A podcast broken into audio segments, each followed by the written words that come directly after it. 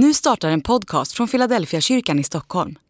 Om du vill komma i kontakt med oss, skriv gärna ett mejl till hejfiladelfiakyrkan.se.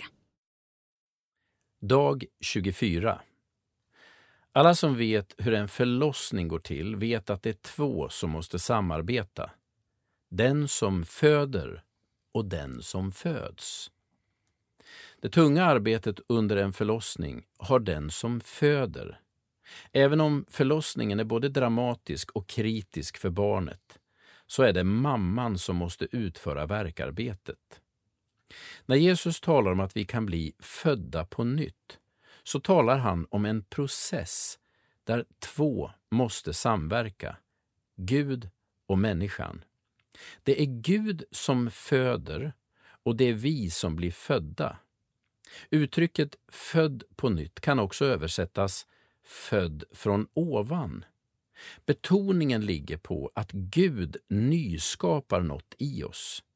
Det tunga ansvaret och det stora arbetet vilar på Gud.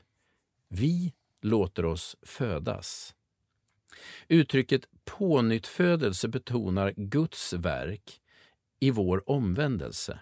Ibland säger människor att de försöker tro eller att de försöker leva som kristna.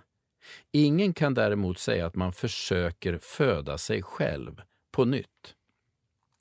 Det är Gud som måste ta initiativet och föda något till liv i oss. Man kan inte föda sig själv på nytt. Andlig övning. Att vara född på nytt är att bli Guds barn. Låt denna dag vara en vila i Guds famn. Stanna upp en gång varje timme och tacka Gud för att han omsluter dig på alla sidor. Låt inte tanken splittras på andra frågor utan avsätt en minut varje timme till att bara vila i Guds famn.